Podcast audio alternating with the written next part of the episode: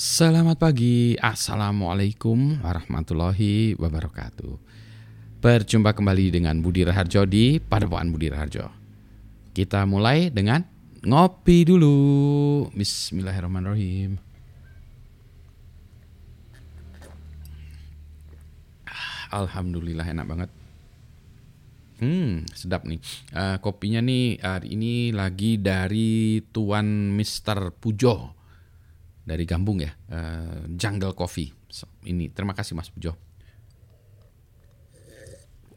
Kita mau bahas soal uh, penipuan melalui uh, handphone. Ya, jadi baru-baru ini banyak orang yang uh, melaporkan uh, penipuan uh, rekeningnya dikuras melalui aplikasi handphone rekening banknya. Ini gimana cara terjadinya ya? Wah, ini satu-satu dulu gitu ya. Uh, pertama sekarang banyak orang sudah menggunakan uh, handphone ya untuk uh, melakukan uh, transaksi perbankannya. Ada internet bank, ya sorry mobile banking. Ya, kalau internet banking pakai komputer ini mobile banking ya. Mobile banking pakai handphone. Terus mungkin transaksi-transaksi lain ya, e-commerce lewat handphone.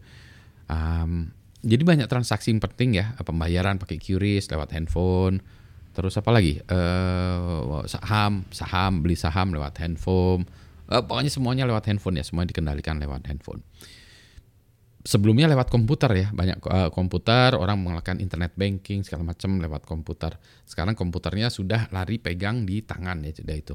Dan uh, banyak orang juga yang tidak melalui proses komputer langsung pakai handphone ya handphone. Nah, bagaimana uh, orang bisa melakukan kejahatan lewat handphone ini ya, menipu kitanya lewat apa? Ternyata kejahatan yang paling banyak sekarang adalah penipuan. Penipuan yang dilakukan bukan dengan cara teknis ya tetapi dengan cara nipu. Uh, istilah kerennya tuh social engineering ya. Nah modusnya uh, berubah-ubah ya tapi prinsipnya tetap sama yaitu uh, orang meminta kita untuk melakukan sesuatu yang mana sesuatunya itu adalah macam-macam ya yang sekarang lagi asik dulu ya, sekarang yang lagi banyak dilakukan orang tuh ini. Sebentar, saya tunjukkan dulu yang lagi banyak dilakukan orang adalah yang ini gitu ya. Jadi eh, ini contohnya eh, mungkin yang paling banyak adalah yang ini ya. Sekarang ini ya kita tunjuk lihat yang ini dulu ya. Eh, jadi eh, kita seolah-olah dapat eh, WhatsApp ya, WhatsApp seperti ini. Nah, misalnya isinya gini. Ini contoh ini yang paling klasik ini ya. Ini ya. Selamat siang kak, benar dengan Salma. Kenapa namanya Salma juga nggak tahu ya ada paket di JNT Express nama Salmah. Terus dia bilang lihat foto paket gitu ya. Nah kan kalau kita yang nerima kita bilang ini foto, uh, ini paket apa gitu ya kan kita pengen tahu juga ini paket apa. Uh, nah terus dia bilang uh, lihat aja fotonya ini. Nah kita curious kita pengen tahu kita klik di lihat foto paket ya. Jadi nama filenya lihat foto paket. Padahal kalau kita perhatikan kalau namanya foto itu biasanya kan berkasnya itu jenisnya itu ada yang JPEG, ada yang GIF, ada yang PNG ya, tapi JPEG lah yang banyak sekarang dipakai ya. JPEG. Lihat foto paket, ya, harusnya foto paket ini ada previewnya dan juga ada filenya namanya belakangnya JPG ya, JPG atau JPEG ya, JPEG atau GIF atau PNG gitu ya. Tapi yang ini namanya APK. Nah, kalau APK ini ini adalah eh, uh, format berkas yang digunakan untuk menginstall aplikasi. Jadi orang yang jahat ini ngirimkan kita ini ya uh, file APK ini adalah sebuah aplikasi yang dia uh, minta kita install sebetulnya. Ya, kita install. Kalau kita klik, maka si APK ini kita download ya, ini besarnya 5,8 MB, kita download dan kemudian dia akan mau diinstal di handphone kita dipasang di handphone kita. Biasanya nanya dia, e, ini boleh nggak membaca mik, apa, e, mem, apa membaca ya, mendengarkan mikrofon, boleh nggak e, saya membaca SMS, boleh nggak saya membaca Telegram, bolehkah saya membaca WA, bolehkah saya dan seterusnya gitu ya. Jadi kalau kita kan kita pengen tahu nih, ini fotonya apa sih? Diakan aja gitu. Kalau kita iakan, maka aplikasi ini akan jalan di handphone kita dan dia mengambil alih handphone kita. Aplikasi ini yang namanya lihat foto paket ini bisa diakses dari jarak jauh oleh si penjahatnya tadi ya, sehingga dia bisa mengakses handphone kita. Misal kita bilang, oh sebentar ya kita lihat nih. Jadi si uh, aplikasinya ini misalnya bisa mengambil OTP kita. Jadi kita transaksi, misalnya transaksi apa ya, transaksi perbankan atau transaksi e-commerce ya. Terus dia bilang e, cek OTP-nya. Nah si aplikasi ini udah pakai OTP-nya. Dia bisa juga misalnya e, ganti password, mereset password di e, e-commerce kita misalnya gitu kan ya. Dia reset passwordnya, terus ada OTP-nya. Tolong itu dibalas e, OTP-nya sama si aplikasi ini udah diambil itu dari SMS-nya dibaca kemudian digunakan untuk mereset passwordnya. Jadi saya bisa mereset password Anda misalnya. Nah, itu ya dengan kata lain si aplikasi ini bisa ngeremote handphone Anda. Itulah sebabnya dia bisa mengambil alih handphone. Kalau handphone kita diambil alih ya game over. Tentu saja ini tergantung dari kecanggihan dari si aplikasi yang disisipkan ke, ke, ke komputer kita ini uh, ada yang aplikasi ini namanya backdoor ya. Uh, kalau nama umumnya tuh backdoor atau ada juga yang namanya remote access gitu ya. Uh, jadi dia bisa nge-remote kita. Uh, dia bisa, uh, Pak, dia bisa uh, ini nggak uh, ngakses mikrofon kita. Loh, kalau kalau kita tadi diperbolehkan, boleh. Maka dia bisa ngerekam percakapan kita bisa nggak dia ngambil foto kita? Ya kalau kita bolehkan tadi dia akan bisa ngambil foto kita. Misalnya kita diambil fotonya untuk nanti digunakan untuk melakukan autentikasi atau apa gitu ya. Yang jarang terjadi memang uh, kalau dia ini dia menjalankan handphone kita mengakses aplikasi jalan-jalanin itu jarang terjadi karena kelihatan sama orang ini kenapa handphone kita main-main ya buka aplikasi ini kelihatan gitu ya. Yang itu jarang dilakukan dan biasanya butuh bandwidth yang besar sehingga attacker tidak melakukannya itu. Tapi secara teori bisa juga di remote sampai diambil alih gitu ya. Gitu. Jadi itu ya Kenapa uh, kenapa uh, ini bisa diambil alih? Pak, kalau misalnya transaksinya uh, menggunakan kita harus uh, melakukan sesuatu di layar kita tidak pakai uh, OTP tada itu kemungkinan masih susah juga ya, masih bisa sih bisa bisa in teori ya, tapi uh, itu bukan yang dia yang dilakukan dia tidak dengan cara itu. Misalnya tadi, Pak bisa nggak uh, uh, dia uh, misalnya kalau kita ada satu aplikasi yang autentikasinya harus pakai wajah kita, kalau wajahnya itu ngambil dari kamera uh, ini ya, uh, ya bisa sih, cuma kelihatan kan dia ngambil kamera kita ya, nyalain kamera kita. Dan kita juga mungkin lagi nggak handphonenya lagi nggak ke arah muka kita ya. Tapi kalau uh, tadi uh, face-nya bisa diambil dari file, nah itu bisa jadi dia ngambil file di koleksi foto-foto kita. Nah tadi ini kan dia melakukan transaksi ya yang ini ya. Tapi jangan salah, dia juga bisa ngambil data di handphone kita. Kalau di handphone kita ada data-data apa ada data yang kritikal dan sangat privat. Nah, ini juga berbahaya. Jadi, nah balik lagi ya, ini attack ini, penyerangan ini tuh dinamakan social engineering karena kita mencoba menipu usernya untuk melakukan sesuatu. Dalam hal ini melakukan sesuatu adalah menginstall atau memasang aplikasi yang ini, yang yang APK ini. Nah ini uh, variasinya ada macam-macam ya. Ada yang lihat foto, ada ini juga yang cek resi gitu ya. Ini halo paket atas nama Ani, Kak, alamatnya kurang lengkap, mohon download aplikasinya di sini dulu ya, app cek resi APK ini sama juga ya. Ini juga kalau di di kita klik gitu ya, app cek resi APK ini kalau kita klik maka dia install lagi sama dengan ini ya.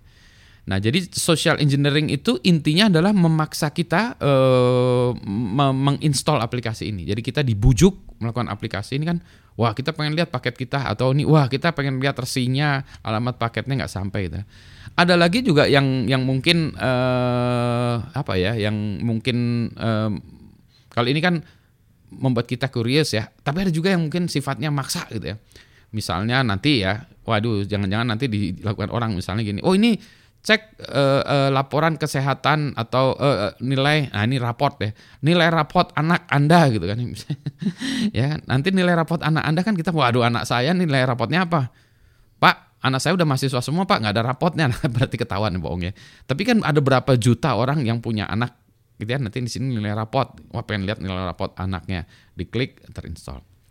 Ya jadi social engineering seperti itu. Ada juga social engineering yang mirip yang waktu itu juga ingat yang uh, perbankan yang dia bilang uh, uh, apa namanya biaya transaksi yang 6.500 per transaksi diganti dengan 150.000 per bulan nggak perlu per transaksi. Nah itu kan palsu juga ya. Terus kalau tidak setuju, tolong klik di sini menyatakan tidak setuju. Nah itu sama-sama itu social engineering, memaksa seseorang untuk melakukan sesuatu yang itu adalah kita memasukkan data pribadi kita yang nanti juga diambil alih ya. Kalau yang ini adalah uh, memaksa kita atau membujuk kita menginstal aplikasi ini, ya. Nanti kita lihat uh, ada variasi-variasinya nih. Nanti yang yang ini adalah orang-orang jahatnya itu mem, yang intinya adalah gimana ya membuat supaya orang itu curious ingin install dan uh, atau terpaksa ingin install gitu. Sehingga nah, gimana Pak kalau saya uh, dapat kayak ginian? Nah, satu kalau ada yang mau install aplikasi-aplikasi, jangan mau install aplikasi. Aplikasi hanya boleh di-download dari yang resmi-resmi kayak Play Store. Ini kebetulan attack-nya APK-APK ini adalah untuk Android ya. Ini aplikasi yang dipasang di Android. Kalau untuk iPhone beda lagi ya, bukan APK. Jadi serangannya ini kebetulan yang ini tidak kena kepada orang yang pakai iPhone. Tapi jangan salah, nanti ada juga versi iPhone-nya juga gitu ya. Meskipun ada susah sedikit ya dan Kenapa orang yang pakai APK? Karena ya penggunaan Android di Indonesia lebih banyak ya daripada uh, iPhone. Ya. Jadi kalau ada APK-APK jangan mau, jangan kalau install-install jangan mau. Kemudian kalau install uh, sudah terlanjur ke klik install aplikasi, kalau dia minta uh, akses ke mikrofon segala macam, no no no no ya, jadi nggak boleh akses ini ya. Jadi intinya kita jangan sembarangan mau install aplikasi dan jangan sembarangan memberikan uh, yes yes kepada aplikasi. Kedua, Pak kalau udah terlanjur install gimana? Nah berarti kita harus uninstall. Wah susah sekali gitu ya. Pak bo uh, boleh nggak saya uh, reset? Boleh. Ya boleh di reset boleh. Cuma kan kalau di reset ya uh, ya kita handphone kita kosong lagi ya harus diinstall install lagi ya. Jadi memang kalau kita factory reset ya nggak apa-apa sih. Cuma kita bisa reset lagi handphonenya kita reset ya.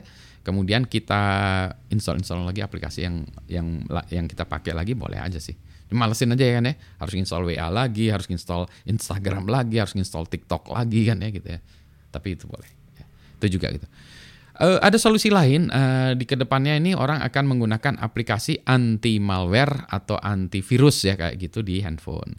Hanya sayangnya uh, aplikasi seperti itu belum lazim dan uh, sekarang itu saya sendiri nggak pakai ya. Aduh ini Pak Budi nggak benar itu ya. Karena memberatkan handphone. Kalau kita pakai itu jadi handphone kita jadi lambat ya karena aplikasinya dicek dulu sama si anti malware ini. Ini beneran beneran atau enggak gitu ya. Sehingga orang-orang malas ya pakai itu.